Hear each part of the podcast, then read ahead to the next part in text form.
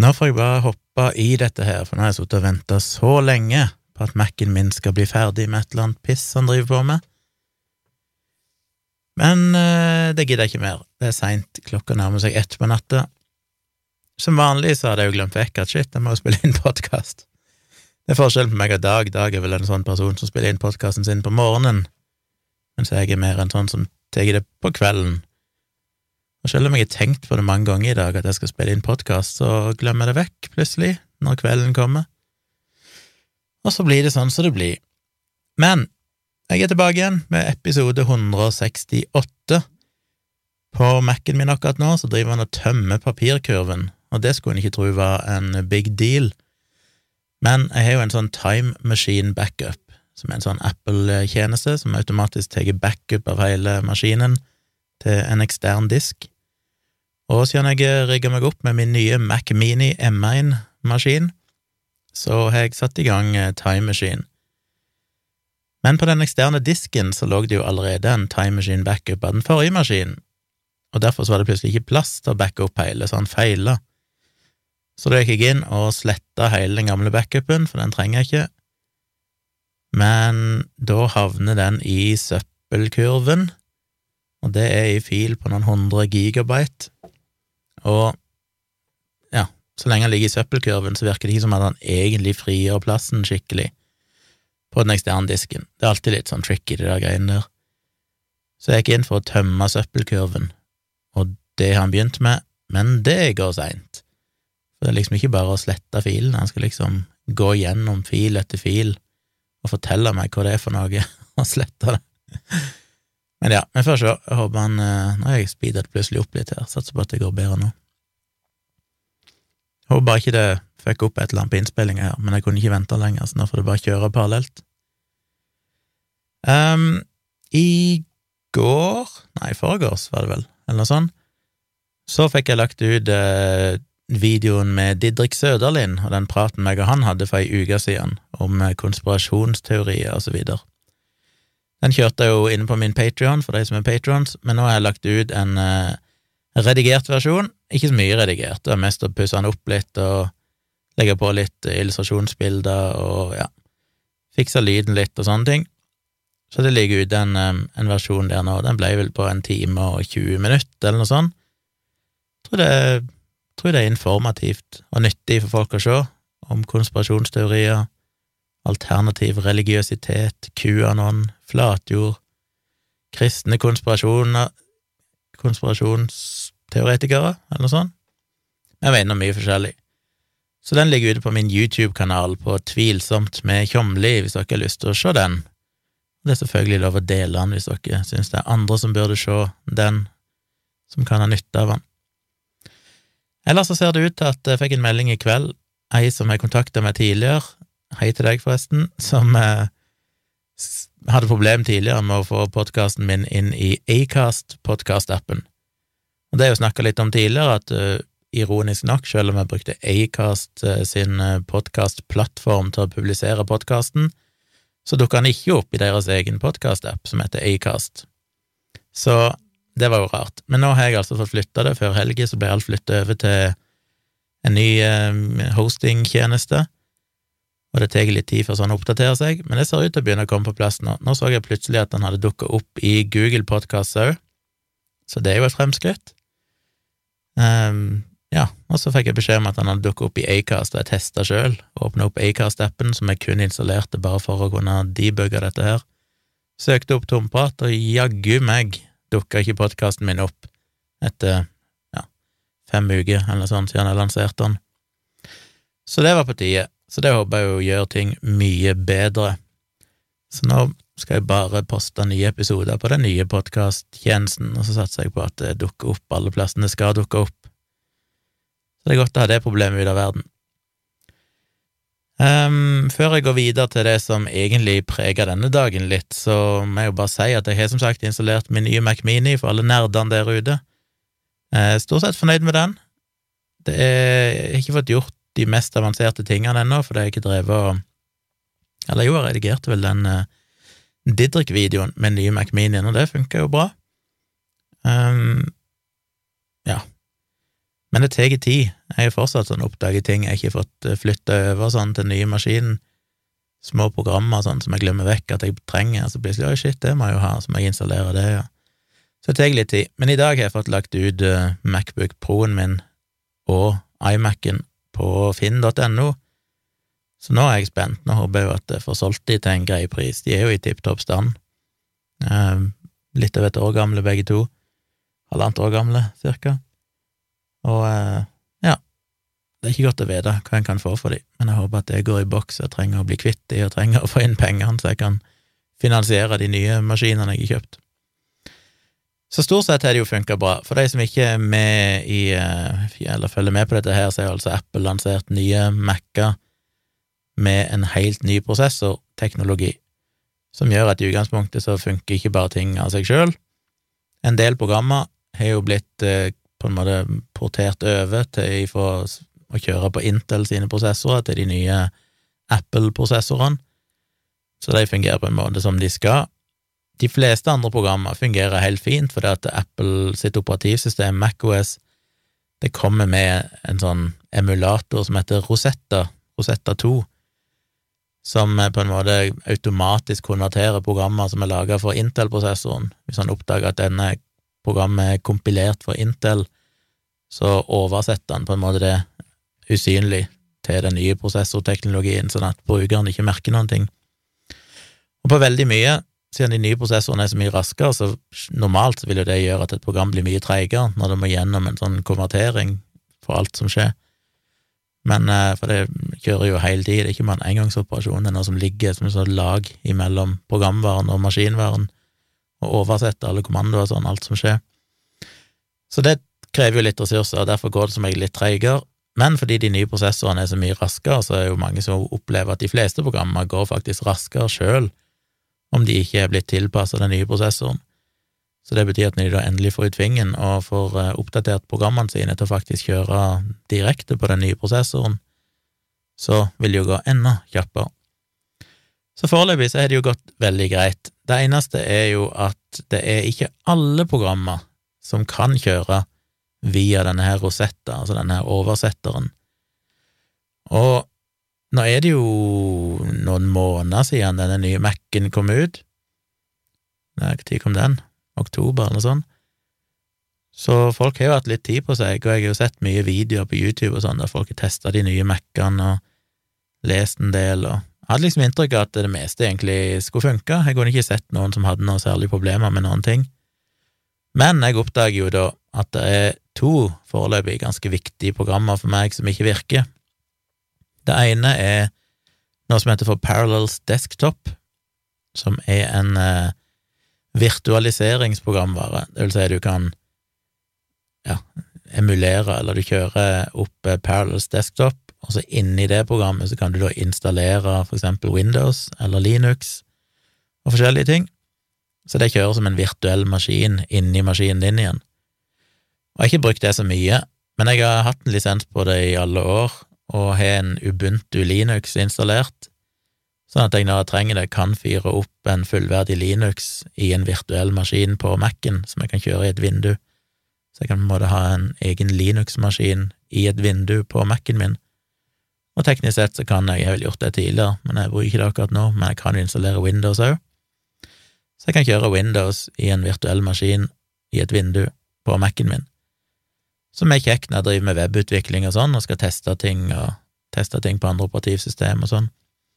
Det er ikke så kritisk, men sånne virtualiseringsprogrammer de er jo på en måte mye mer komplekse enn et vanlig program. De gjør jo på mange måter den jobben som Rosetta 2 gjør, de skal jo i seg sjøl emulere en annen plattform, en annen prosessor, en annen eh, teknologi. Så den, eh, det funker ikke. Nå er det riktignok sånn at de har sluppet en eh, sånn technical preview, eller hva de kaller det, technology preview, eller noe sånt, som så ut til å funke på de nye prosessorene. Så jeg fikk fyrt opp Pals desktop, men det som mangler, er jo selve operativsystemet, altså en versjon av Ubuntu Linux som funker. Det fant jeg òg til slutt, etter å ha googla litt. Viser seg at det var noen de driver og jobber med den og porterer over Linux og sånn til å funke på M1-prosessoren. Eh, så jeg fant et sånn um, ISO-image, som det heter, av Ubuntu Linux, og fikk fyrt opp det i den virtuelle maskinen. Så sånn sett så fikk jeg det jo egentlig til å virke. Problemet er bare at da kjører de en helt rar oppløsning i sånn veldig stort bilde, alt er helt basic, og det er en del funksjonalitet som ikke kjører ennå, som ikke de har til å virke. Normalt når du installerer Parallels desktop, så kan du installere noe som heter for Parallels uh, et eller annet tools inni operativsystemet, så i Linux så installerer du en ekstra liten programvare som gjør at ting fungerer mye mer smooth, og du da kan uh, ha hvilken oppløsning du vil, og mus og alt mulig funker mye mer smooth. Men det er det ikke fiksa ennå, så derfor var det ganske ubrukelig i praksis. Så da får jeg bare vente, får bare vente til de har fått det klart, de driver og jobber med det, så det kommer jo etter hvert, så jeg får bare leve uten det inntil videre, men det tok meg litt på senga. Men en verre ting, egentlig, er at jeg investerte jo i høst i noen sånne lydplugins fra et firma som heter Isotope, og det har jeg stort sett brukt på det meste av podkaster, sånn til å renske opp i lyd. Du kan gjøre mye prosessering av lyden, og uh, blitt litt avhengig av dem. Men de funker ikke i det hele tatt. Det er litt kjipt. Så det betyr at den lyden du hører nå, det er basically lyden som går rett inn i mikrofonen, og stort sett gjør jeg ikke så mye med lyden. Ett effekt i de nye dingsene som jeg snakket om her i en tidligere episode, de her DBX uh, 286S de her hardware-boksene som fikk så mye av lyden allerede før hun kommer til datamaskinen, så har jeg egentlig ikke trengt å gjøre så mye med lyden, men jeg gjør av og til litt småpirk. Men nå blir lyden sånn som den blir, for jeg kan ikke bruke de pluginene, så da får det bare være. Da sparer jeg tid på det, for bare å tenke sånn på det.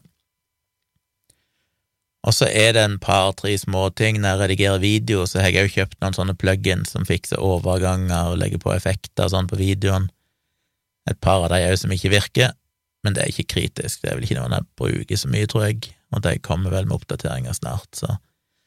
Sånn sakte, men sikkert så regner jeg med at ting skal komme på plass, men litt overrasket over at uh, primært at um, Parallels Desktop ikke virker i det hele tatt, og at de plug-insene, Isotope-plug-insene, ikke virker. Så det er noe så, det burde jeg jo ha sjekka ut.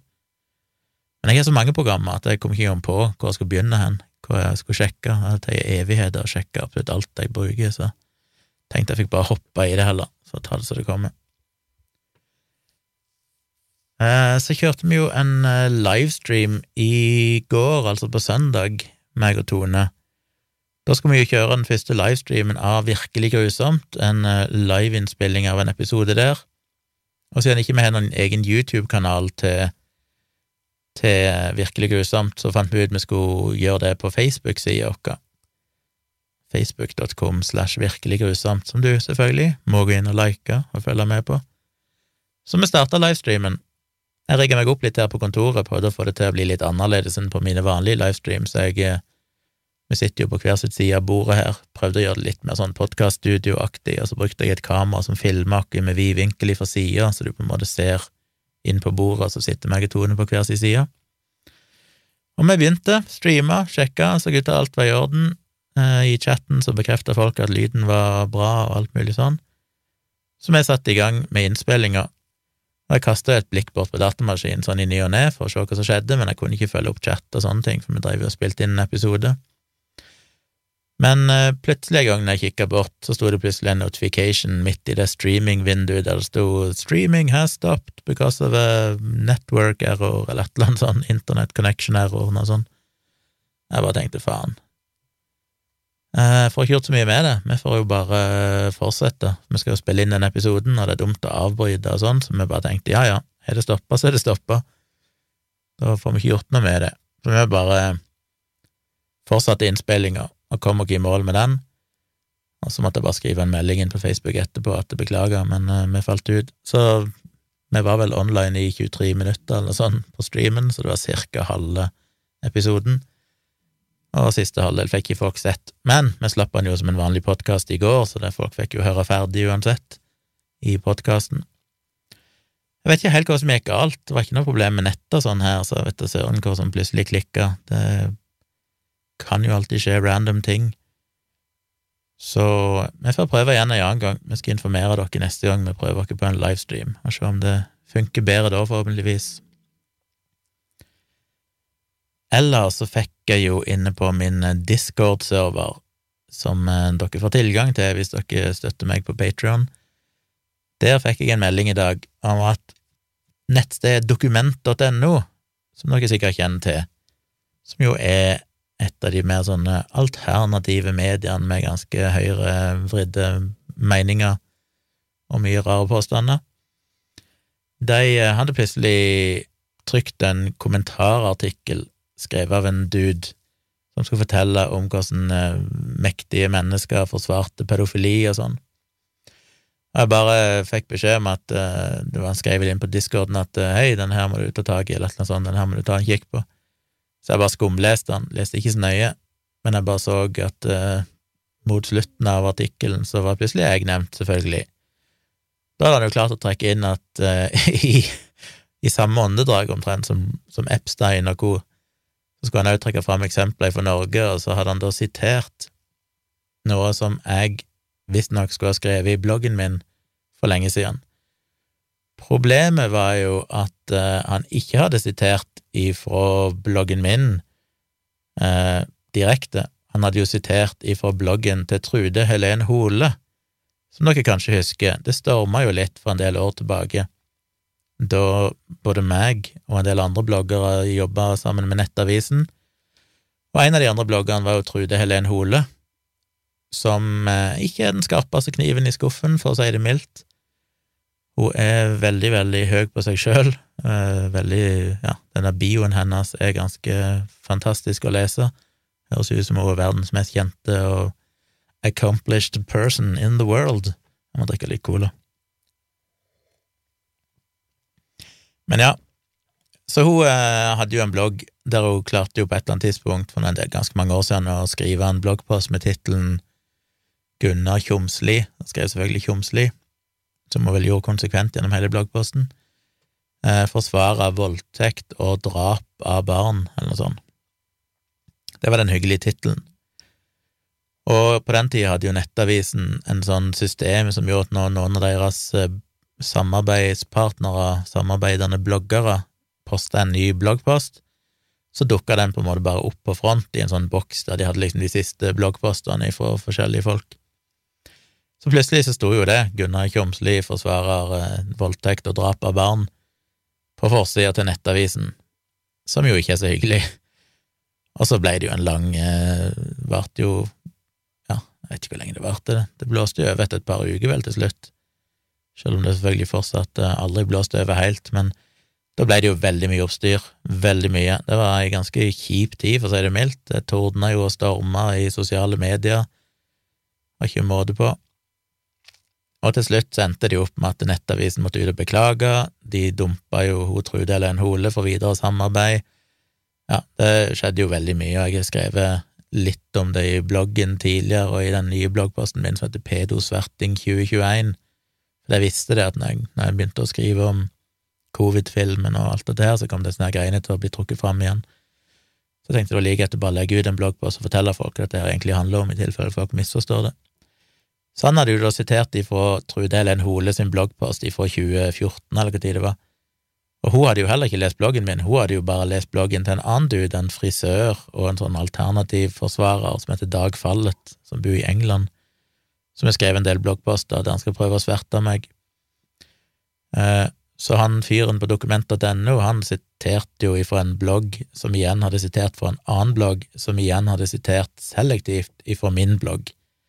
Og Dag Fallet er jo allerede slakta i rettsvesenet i den rettssaken jeg skrev om eh, i bloggen min i den Pedosverting 2021, det kan dere jo se kjapt hva det handler om.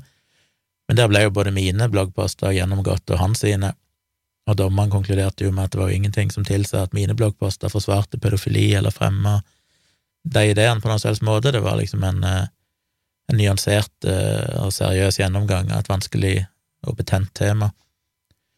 Mens Dagfallet ble jo kritisert for å være på langt nær like nyansert som det jeg skrev, og at eh, måten de var skrevet på, uten tvil kunne kalles pedofilisverting, som var et mål om å kneble motstanderen. Så det ble ganske sånn ja, jeg ble jo glad når den dommen falt, for den bekrefta jo alt jeg hadde hevda i, i, alle tider. Eh, pluss at det var flere aktører, Fagbladet, journalisten, leste gjennom alle bloggpostene og konkluderte jo med at det var veldig saklig og bra skrevet, og ikke noe problematisk med det. Så det var liksom greit. Men det er det som er problemet, at når folk ikke kjenner historikken og ikke vet alt som skjedde i den tida, og alt, så kan de jo tro at når noen kommer en del år etterpå, plutselig trekker fram et eller annet sitat fra bloggen min, så tror de at dette er noe nytt, og så glemmer de at dette her har jo vært vurdert av veldig mange flinke folk og fagpersoner. Men det var jo ganske klassisk da at eh, det sitatet som ble skrevet på dokument.no, som var henta fra bloggen til Hole, som igjen var henta fra bloggen til Fallet, eh, det var jo et sitat ifra bloggen min, og det var et sånn, litt sånn godt eksempel på hvorfor det blir, hvorfor det har vært så vanskelig med de debattene, og hvorfor det er så lett for folk å forvrenge det jeg har skrevet. For i dette tilfellet så hadde han vel eh, skrevet Skal vi sjå Ja, det var et eller annet eh, jeg hadde skrevet om barneporno, der jeg vel sa et eller annet om at jeg eh, mente at hvis du, hvis du drøfter dette i sånn ytringsfrihetsperspektiv, så sleit jeg med å se at det skulle være Jeg må lese hele Jeg må lese det faktiske sitatet her, for det skal bli eh, riktig. Ja, det han hadde sitert på, var at jeg hadde skrevet Bør man ha rett til å oppbevare barneporno til personlig bruk? La meg først presisere at jeg selv ikke kan forstå at noen mennesker skulle ønske dette. Likevel er det nettopp dette ytringsfrihet og rettferdighet dreier seg om, nemlig å ivareta rettighetene til de som er annerledes enn deg selv, og som har meninger og syn som ofte kan bryte med alt man selv føler er riktig. Og hvis du bare siterer det, så skjønner jeg jo at det kan høres problematisk ut, for det høres ut som jeg forsvarer folk, forsvarer at folk bør ha lov å sitte med barneporno, fordi som en del av ytringsfriheten og sånn, så bør de ha rett til å kunne ha den type materiale. Eh, så hvis du bare siterer det, som jo Dag Fallet gjorde, og som igjen Trude Lønn Hole gjorde, og som igjen Dokument.no gjorde, så skjønner jeg at det kan virke shady. Det de ikke får med seg, er at hvis du leser videre i samme bloggposten, så skriver jeg jo det bør helt klart være forbudt å produsere pornografisk materiale som involverer barn under den seksuelle lavalder. Og så skriver jeg videre Målet med en lov om barneporno må være å beskytte barn fra å bli misbrukt, ikke å straffe voksne mennesker for deres perversiteter og avvikende seksuelle preferanser. Hvis man, derimot, hvis man derfor tar utgangspunkt i at seksuelt misbruk av barn reguleres av andre lover, det ikke finnes noen sammenheng mellom det å kikke på barneporno og det å forgripe seg på mindreårige. Produksjonen av materialet ikke skader barnet, eller det ikke er barn involvert i det hele tatt, tegninger, datagrafikk, voksne kvinner fremstilt som barn osv. Hvorfor er da besittelse av såkalt barneporno ulovlig? Og det var jo mitt poeng, ikke sant, den bloggposten tar jo for seg det poenget som jeg snakka mye om, det at du kan ha nå bruker jeg ordet barneporno, selv om jeg vet at det er omstridt. Um, men jeg har liksom aldri funnet noe godt ord til å erstatte det, for at alt blir på en måte upresist. Så nå bruker jeg barneporno, fordi dere skjønner hva jeg mener med det. Men greia er det at eh, barneporno per i dag er jo mye forskjellig. Det er jo blant annet eh, pornofilmer der voksne mennesker har sex, men for eksempel som regel kvinnen, da, er kledd ut som en um, teen eller et eller annet sånt, altså hun fremstår som hun kanskje er 17 år gammel, med museflette og miniskjørt og sånn. Det er jo per definisjon barneporno, for i loven så står det at hvis du fremstår som under 18 år, trenger ikke være under 18 år, men hvis du fremstår som under 18 år, så er det da per definisjon barneporno. Eh, I tillegg så er jo barne, denne loven om barneporno er jo medienøytral, så det vil si at den rammer jo både tegninger og tekst og dataanimasjoner og alt. Um, pluss at det aller, aller meste av det som rammes av barnepornolovverket, er jo ikke overgrepsmateriale. Det er jo bilder som jenter og gutter har tatt av seg sjøl og sendt til kjæresten sin og sånne ting. Og dette er det jo statistikker på. Den største økningen i såkalt barneporno er jo materiale som folk tar av seg sjøl, og det er jo ikke så rart, for at for ti år siden så var ikke det så vanlig, men de siste ti årene så er jo det eksplodert med Snapchat og alt mulig sånn, å ta bilder av seg sjøl og snappe og sånn. Så det meste av det som blir produsert i dag av barneporno, er jo ikke noe overgrep, det er jo ungdommer eller barn som tar bilder av seg sjøl, så kan en mene akkurat hva en vil om det. Poenget er at det, det, er ikke en dokumentasjon på overgrep.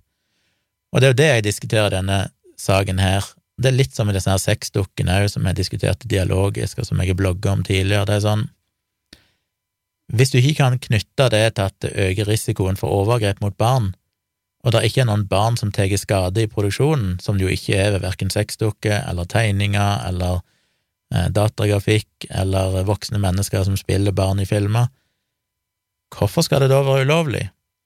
Ikke det er et brudd på ytringsfriheten, ikke det er et brudd på tankefriheten, skal du ikke ha lov å fantasere om det du måtte ønske, så lenge du ikke handler på det, så lenge du ikke skader noen. Så det var det den bloggposten drøfta, men det er jo det som er så livsfarlig å drøfte noe i en sånn kontekst, der du på en måte har brukt så mye tid på å forklare hva dette faktisk handler om, at det handler jo selvfølgelig ikke om, hvis en skal kalle det i gåsehudet, reell barneporno, altså pornografi eller materiale der det faktisk er barn som blir misbrukt, da er det jo fryktelig lett å vrenge på det ved å sitere et eller annet fra den bloggposten, og ikke ta med det helt sentrale forbeholdet. Og det er jo for det første selvfølgelig grovt uredelig av Dag Fallet og seinere Trude Helen Hole, men det er veldig, veldig synd, og som han dommeren konkluderte med i den rettssaken, så er jo det et forsøk på å kneble eh, meningsmotstandere, som jo egentlig ikke handler om pedofili og barneporno, det handler jo om alternativ behandling og vaksiner, det er jo det de er uenige med meg i, og så prøver de å finne et eller annet å kneble meg på. Eh, fordi jeg syns jo dette er interessant og viktig å diskutere. Jeg syns jo at det er problematisk at vi i dag straffer mennesker for eksempel for å importere barnesexdukker. Eh, og det er så vanskelig, for det at ja, okay, hvem ønsker å forsvare barnesexdukker? Ikke meg. Jeg mener, jeg har ikke noe behov for at det skal eksistere i det hele tatt, men i sånne saker så er jo hele poenget at du må tenke prinsipielt. Vi må forsvare det vi ikke liker, hvis ikke det fører til at det skader andre mennesker. Og det finnes ingen dokumentasjon på at det skader andre mennesker. Det finnes ikke noe dokumentasjon på at det å besitte ei barnesexdukke øker risikoen for overgrep. Mest sannsynlig så er det jo tvert imot. Det samme kan du si med, med annen type i gåsehud barnepornografi som ikke involverer reelle barn. Og som jeg har sagt mange ganger før, jeg synes det er så tragisk, fordi at hvis det hadde kommet helt uomtvistelig dokumentasjon på at det å besitte den type materiale faktisk forhindrer overgrep, så tror jeg fortsatt folk ville vært motstandere av det. Hvis du kunne dokumentere utvilsomt at hvis du ga tegninger av barneporno til potensielle overgripere eller folk med den type lyster, så gjorde det at ikke de forgrep seg, i en hypotetisk scenario, så er jeg fortsatt sikker på at det ville vært et flertall for at den type materiale skulle være forbudt, fordi til syvende og sist så handler ikke dette om å beskytte barn, det handler om å beskytte sine egne følelser. Og hvis du ser på noe og føler at noe er moralsk forkastelig, så er det en mye, mye sterkere følelse som du ønsker å beskytte, enn de konsekvensene det faktisk har for barn. Og Det tror jeg ikke nødvendigvis folk er bevisst på sjøl, for selvfølgelig ønsker de jo å, å beskytte barn, selvfølgelig, jeg betviler ikke det, men jeg tror den der eh, kognitive dissonansen blir for vanskelig å håndtere, det med at både noe som du syns er helt moralsk forkastelig, samtidig faktisk kan være en god ting fordi det beskytter andre, er vanskelig å fordøye. Og da ender det som regel opp i fornektelse, at en bare fornekter at nei, men jeg tror ikke at det er sånn, jeg tror dette er farlig, og uansett hva folk sier, og uansett hva forskning viser, så kommer jeg til å være motstander av det. Eh, for ordens skyld, vi vet jo ikke om det er sånn, vi har ingen gode data på det. Det finnes noen data som peker, som jeg har blogga om tidligere, i retning av at det muligens ser ut til å være eh, redusere overgrep mot barn når det er sånn materiale tilgjengelig, men vi vet ikke det er veldig sikkert, det er jo selvfølgelig vanskelig å teste. Men det finnes i hvert fall ingen solide data som peker i motsatt retning, som jeg har sett, og jeg har sett på ganske mye av det i disse bloggpostene jeg har prøvd å drøfte det. Anyway, så det var iallfall en interessant sak som på en måte viser så tydelig hvor lett det er å bomme på det. og hvor lett, hvor krevende det er å blogge om sånne ting, eller skrive om det, eller snakke om det, for det er så lett å, for andre å misbruke teksten din hvis de bare utelater helt sånn sentral kontekst, eller sentrale premisser for det jeg diskuterer, som i dette tilfellet var at jeg diskuterte jo faktisk ikke barneporno som involverte faktiske barn, men de andre tingene. Og det synes jeg er veldig, veldig viktig i et sånn ytringsfrihetsperspektiv. Det at du i dag kan bli straffa for å lese en historie som involverer mindreårige, er straffbart fordi det er per definisjon barneporno, selv om det er fiksjon, ingen som tar skade av det, og selv om du helt lovlig kan gå ut og ha sex med ei jente eller gutt på 16 og 17 år, så kan du fortsatt straffes for besittelse av barneporno hvis du har en tekst som beskriver sex med en 16-17-åring. Fordi en må huske på at det gjelder under 18 år, eh, ikke under den seksuelle lavalder. Så det, det, er så mange sånne absurditeter som ikke jeg helt klarer å, å, svelge, og derfor har jeg brukt ganske mye tid på å diskutere i bloggen min og prøvd å problematisere det. Jeg tror tror det har hatt en effekt òg. Jeg har fått veldig mye meldinger fra folk opp gjennom årene, av folk som har fått et helt nytt syn på dette og har lest om det og satt seg litt mer inn i hva dette her egentlig handler om. Anyway, eh, det som skjedde videre, var jo at jeg så denne artikkelen. Jeg først var litt sånn øh, men så tenkte jeg shit, jeg må faktisk reagere, jeg kan ikke bare ignorere det. Så jeg sendte en mail til dokument.no det var ikke noen mail til han som hadde skrevet den teksten, så jeg måtte bare sende til liksom, kontaktadressen til dokument.no. Og så etter å ha tenkt meg litt om, så satte jeg Filter nyheter og Media24 og PFU på kopi. Bare sånn i tilfelle de følte at det var noe å ta tak i. Så jeg skrev ganske utgreiende og viste til denne artikkelen og fortalte hva som var problemet med han, og lenka til bloggposter og viste til sitater som forklarte hva dette handla om og sånn. og og skrev at jeg syntes det var grovt uh, uansvarlig og uh, uredelig av de å sette en sånn tekst på trykk der jeg blir nevnt med navn som en som forsvarer pedofili, uten å i det hele tatt kontakte meg for å gi meg tilsvarsrett. Og dokument.no er jo under Vær varsom-plakaten, og da er det jo helt absurd at de kan sette en tekst på trykk der du kommer med så grove beskyldninger om en navngitt person uten å gi vedkommende tilsvarsrett eller som, rett til samtidig imøtegåelse. Jeg hadde ikke hørt noen ting ifra de. Denne, postblogg, denne teksten var publisert for fire dager siden, eller noe sånt. Så eh, ja, eller tre dager siden. Så det var ganske grovt. Så jeg visste ikke helt hva som kom til å skje, men jeg sendte den av gårde teksten, og så eh, venta jeg. Så gikk det vel et par timer, så posta jeg òg inne på ei gruppe jeg er med på, på på Facebook, der vi bare er noen få folk eh, som eh, bare sa liksom at sjekk dette her. Og så var det en der som tipsa meg om et par timer seinere og sa hei, har de fjerna det, det, avsnittet om deg nå? Så måtte jeg inn og sjekke, og så hadde de jaggu meg det. De hadde bare fjerna de, de, to avsnittene som omtalte meg. Eh, så sendte jeg da mail til dokument.no igjen, med kopi til de andre, og sa at eh, hei, jeg ser dere fjerna det avsnittet, og det takker jeg for. Men jeg syns ikke det var godt nok. Jeg syns de burde skrive eksplisitt at det, i en tidligere versjon av teksten så kommer til å skrive et eller annet om Tjomli, og det viser seg å være feil, og det er løgner og ditten og datten, og, og beklager for det. Og jeg sa jo at jeg ønsker en forklaring på hvorfor ikke de hadde gitt meg tilsvarsrett, og jeg ønsker en, en beklagelse ifra de.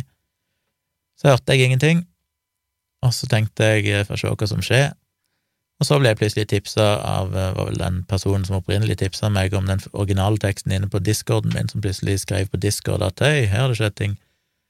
Og da hadde de jaggu meg lagt ut en eh, beklagelse, der det er en egen artikkel der han, han som hadde skrevet den opprinnelige teksten, skrev en ny tekst som hadde tittelen eh, Beklager Gunnar Tjomli, eller noe sånt der han på en måte sa at uh, i den opprinnelige teksten han hadde skrevet, så hadde han kommet til å ha med sitat for meg, og etter å ha blitt gjort oppmerksom på at dette ikke var korrekt, og at uh, Trude Len Hole hadde blitt ditcha fra Nettavisen, og at disse tekstene hennes var blitt slakta mange, mange ganger tidligere, så innså han at det var jo feil, og han hadde fjerna det og beklagde, la seg flat og sånn, og lenka til den bloggposten min om pedosverting, der folk kunne sjøl lese videre om det.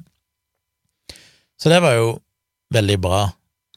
Ikke helt 100 for jeg fikk jo aldri noe svar for dokumentet.no, de svarte ikke på noen mailer. Eh, de forklarte ikke hvorfor i all verden ikke de hadde gitt meg tilsvarsrett i utgangspunktet og sånne ting, men får ta det en får. De, eh, de gikk ned for så langt som at de faktisk publiserte en beklagelse.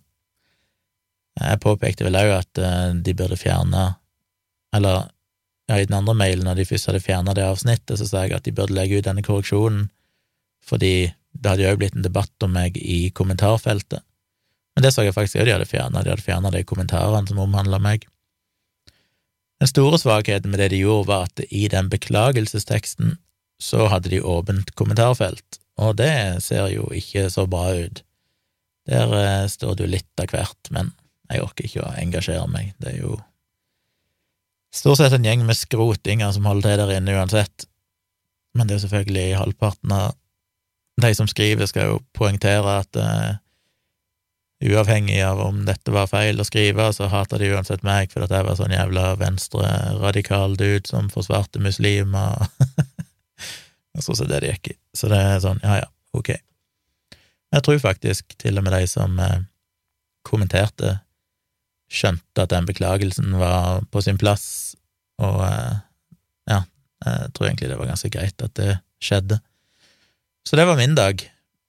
Det hadde jeg ikke forventa at jeg skulle plutselig bli tema i en uh, artikkel på dokument.no, og at det faktisk relativt kjapt skulle bli rydda opp i. Så sånn sett må jeg jo si kudos til dokument.no for at de faktisk tok tak i det og fiksa det temmelig kjapt, men eh, ikke veldig imponert over kildekritikken i utgangspunktet, det må jeg jo si, at de kan sette en sånn tekst på trykk uten å sjekke det sitatet, originalkilden, uten å helt tatt lese bloggposten sitatet er henta ifra, det er jo ganske svakt. Uh, og det at de ikke har gitt meg samtidig tilsvarsrett, det er jo veldig, veldig dårlig. Men ok, det ordna seg jo på et vis. Hadde jeg noe mer å fortelle om i dag? Det vet jeg ikke om jeg hadde. Eh, jeg begynte å se på denne Waco-serien, som vel opprinnelig gikk på TV2 Sumo, eh, via det der Seymour-greiene.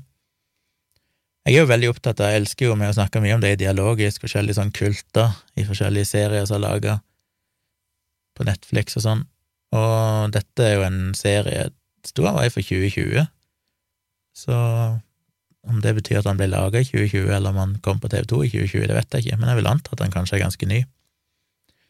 Så han er kanskje for 2020.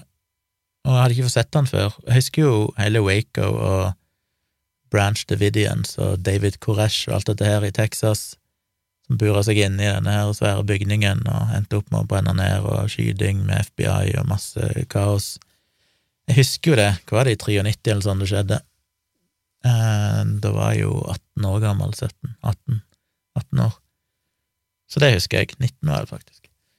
Eh, og jeg syns det alltid er dypt fascinerende. Jeg husker jeg leste en del om det i ettertid. Jeg har vel sett litt bilder og sånn fra innsida der, men plutselig så vi at den dokumentaren fantes på, på TV2, så da måtte jeg se den. Jeg har bare sett én episode så langt, litt sånn treig ikke superspennende foreløpig, men får se. Om ikke Tone vil se ferdig hele, så tror jeg jeg vil, for jeg syns det er såpass uh, interessant, og jeg vil bare lære den historien. Jeg syns det er alltid like fascinerende.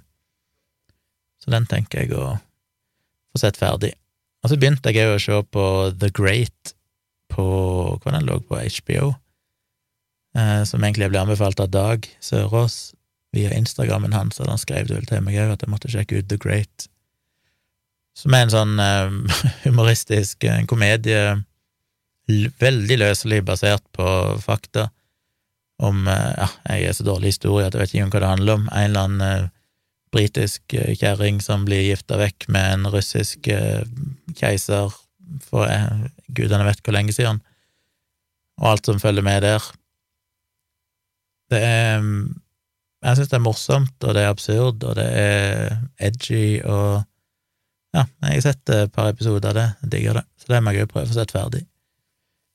Så det er mye, mye bra å se, ellers så ser vi jo på The Servant på Apple TV Pluss, som vi ser på Ja, det husker jeg ikke lenger hva vi på. Men nok om det. Jeg tror det var alt jeg hadde. Ikke verdens mest innholdsrike episode, men sånn er det av og til. Det har ikke skjedd all verdens heller.